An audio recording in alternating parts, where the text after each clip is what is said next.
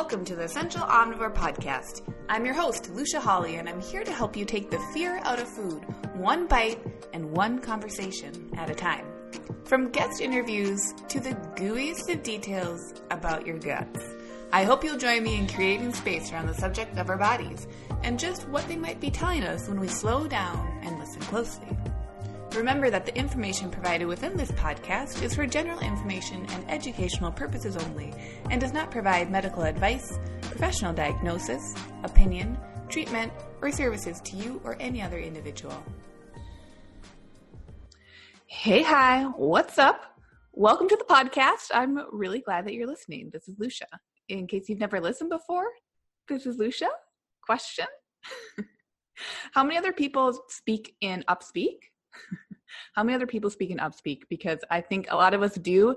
It wasn't until I started recording podcasts uh, episodes and like social media started using more videos that I really realized how much I either end with a question or I end just on the upwards lilt like that. It's really annoying once you notice it. and now you can all notice it all the time. Today's episode is about moderation. And uh, I noticed that I was starting to go off on moderation on Instagram. Can you notice a theme here? Sometimes I'm like, wait, what do I want to talk about on the podcast? And then I just think back to like, wait, what did I end up having like at least 10, 15 second clips about on Instagram? Oh, yeah, let me put that subject into the podcast. Probably a better format for it anyway.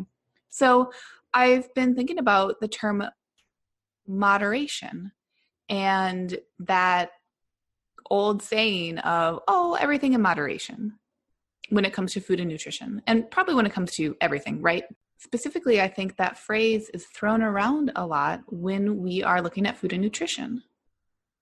And I think it can also get divisive, especially for people who have found or reclaimed or uncovered or have felt more authentic and true health that they didn't know was possible or they hadn't felt in a long time and someone has found that type of health through something that like a style of eating that isn't defined as moderate. Whether that's veganism or vegetarianism maybe or a strict paleo style of eating or some sort of sugar-free style of eating um, anything where there's some sort of strict restriction on or viewing of macronutrients or calories or uh, quality of food. When someone has found or reclaimed that wellness through those non moderate styles of eating, it can be a tough pill to swallow to then hear people using the term or hear people say, I feel really good and I'm eating this moderate style. Because when we hear that term, I think a lot of us just hear, like, well, eat a little bit of everything, Maybe you finish the food on your plate, maybe you don't, and you don't really snack unless you want to, and that's moderation, baby. When I hear that, I'm like, oh my God, I roll, shrug, no thank you, moving on. But now that I have pondered it for a while these last few days, I really actually think moderation is key. Stick with me, don't stop listening. I do think moderation is key because moderation moderating yourself can be an autonomous act. To moderate yourself does not mean that you have to take on how someone else moderates themselves.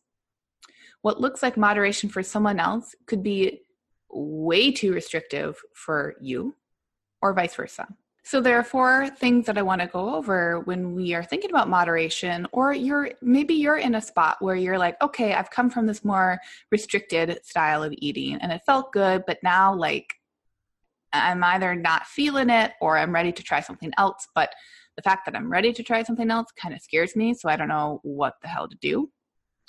Try listening to the rest of this episode. Oh my god, don't tune out yet. I I see you. Just wait.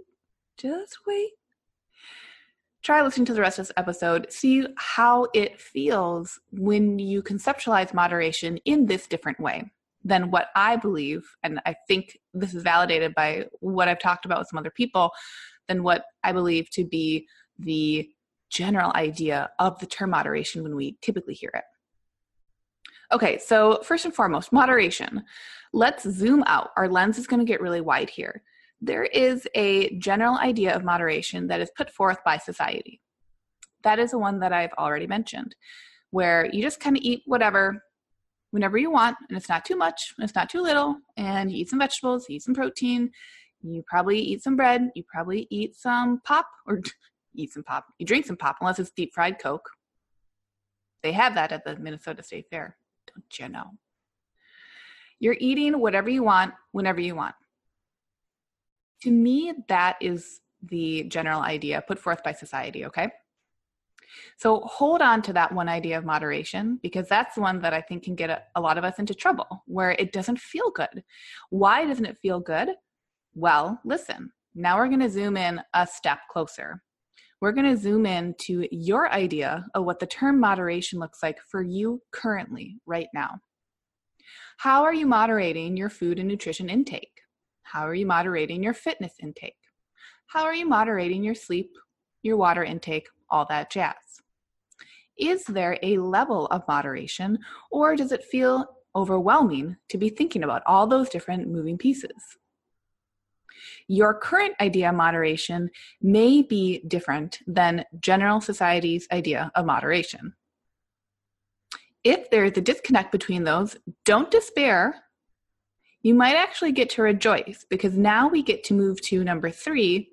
What is your ideal type of moderation?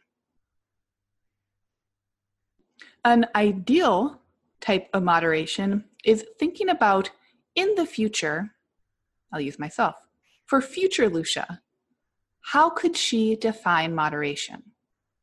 Now that we've gotten to this third step, this is where I think moderation gets really, really cool. And moderation becomes this tool that we can use instead of this paradigm that feels like it fits oddly it's less of a pair of pants that look like high waters on you or are too baggy and too big and they're more a pair of pants that you've gotten to tailor because you've given yourself that opportunity to be with them for a minute and figure out what actually makes them fit well so for you what moderation could look like for your future self and listen the future just means tomorrow so or later today even when you think about moderation and you're saying, what would my ideal way of moderating myself be?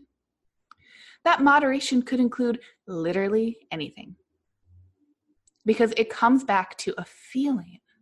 And that's where I think in society we miss the mark. We say just eat everything in moderation, and that feels too expansive, it feels too big, and it feels overwhelming. And we say, well, God, I want more structure, but I don't want too much structure because obviously I'm maybe coming from a place of too much structure, and that blows. So, an ideal form of moderation is a moderation or a style of eating that that feels like how you want to feel.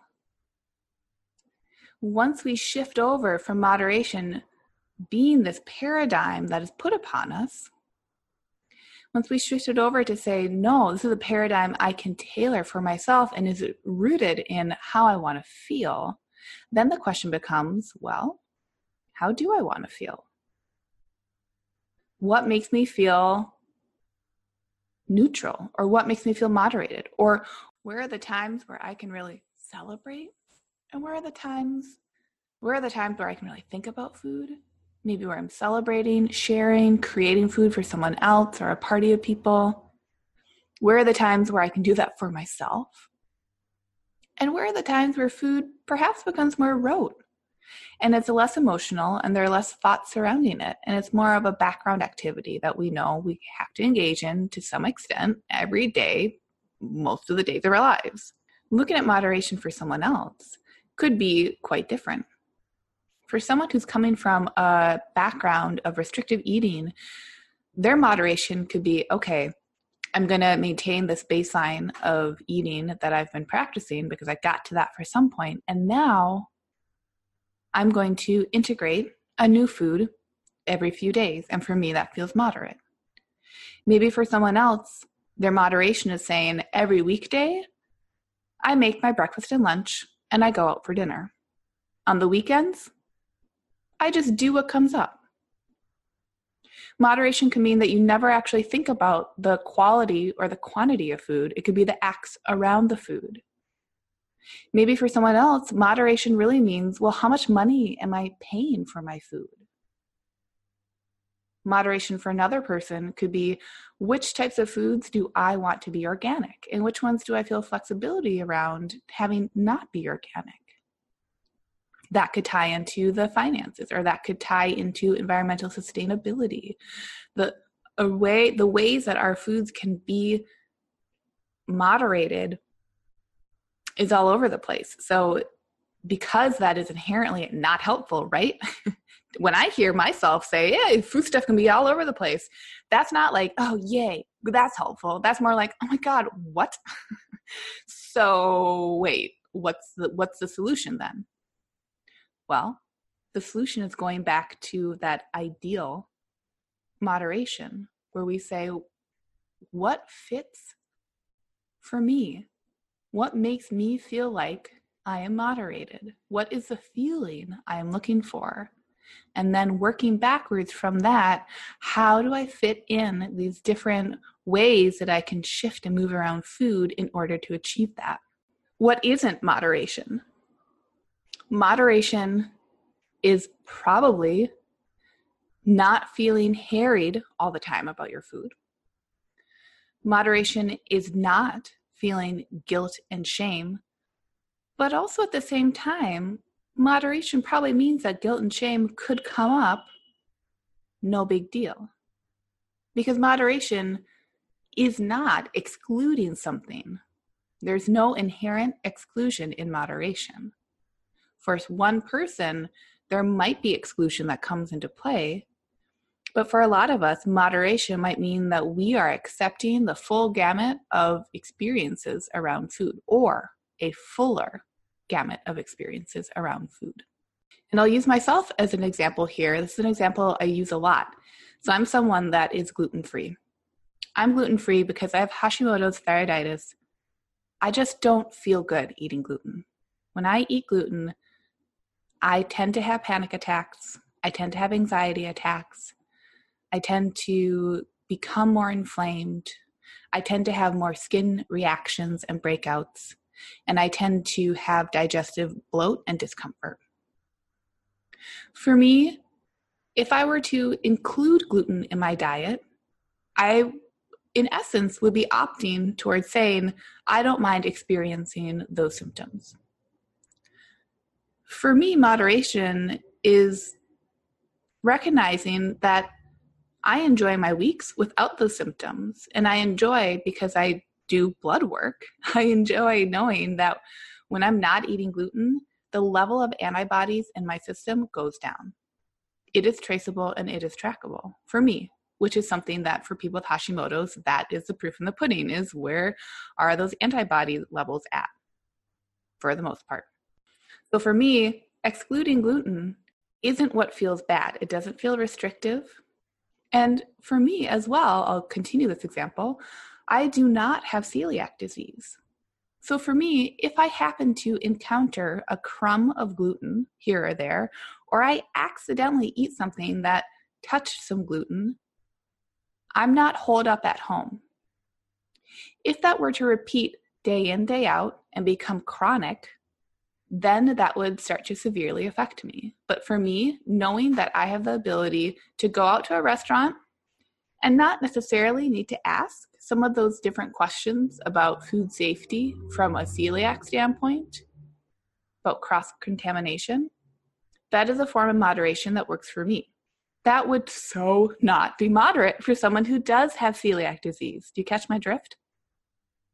So our histories have to inform our current choices. My history of Hashimoto's informs my current day choices. And my history of not having celiac disease informs my current day choices. So even within that choice itself of being gluten free, I have inherent flexibility, and that creates individualized moderation for me. And I love bringing up gluten because as someone that works with clients, I have a lot of clients who'll come in and say, like, I just don't make me go gluten free. I know you're gluten free. I read your blog. I read your blog. I do not see any gluten. Don't make me go gluten free. I won't make anyone go gluten free because I believe that not everyone needs to be gluten free because there are way too many ways that we can individually moderate our own health that will help us achieve our own optimal health based on our own optimal, specific, individualized goals and needs. So to blanket put on everyone that everyone needs to be gluten free or everyone needs to be dairy free or everyone needs to be soy free is doing a disservice and I think is very fitting in this dialogue about moderation because that is not a moderate viewpoint. So, those are some things that are not moderation. This week, as in other weeks, if you've been following along and you like doing the homework, your homework is to list out five ways that you are currently moderating your food. And then I want you to write out three beliefs that you believe for you are ways that do not moderate your food. And any of these things that you're writing down aren't to make you a perfect human. We're not trying to turn you into a perfect human robot who's actually not a human, because mm, there's irony there. This exercise is to say, what is my own definition of moderation? What is my unique and autonomous view of moderation for me based on my history based on my needs, based on where I want to go, and based on where I'm at right now. This doesn't have to occur in a vacuum, but often, if we can separate our definition of moderation for ourselves, we can separate that away from society's definition of moderation for society, likely you'll notice that there are some disparities there. And those disparities can be exciting they can bring in curiosity and they can bring in play instead of saying, oh my God, that person eats, they say they just eat in moderation, it works for them. Well, their idea of moderation might be more closely aligned with society's, but that doesn't mean it's better. And that doesn't mean it'll be the best thing for you. The best thing for you is one that you are going to define, and it's one that you can check in on here and there so you can see how that definition could be growing with you as need be. Because as a human, the one thing I can tell you, the one thing I do know, I don't know if you should go gluten free or not. But the one thing I do know is that you will grow and change over the years. So engaging with anything that does not inherently grow and change with you is probably at some point going to feel a little weird. So why not at this point add in those activities that you know will grow and change with you. I think that is a service that we can all engage in for ourselves. It'll probably get us a lot further towards those goals, towards those ideal selves in a more authentic and stressless way. So do the homework, tell me what you think. Find me on my website, find me on Instagram, slide into my DMs. I love that. I like chatting with everyone. Well, I like chatting with most people. I feel pretty lucky though, because the only people I don't like chatting with are the creeps, and I don't get a lot of creeps. So thank you for that. I'll catch you next week. Hey, thanks so much for joining along on today's episode. For full archives of past episodes, hop on over to essentialomnivore.com or subscribe to the Essential Omnivore podcast on Apple Podcasts or Stitcher.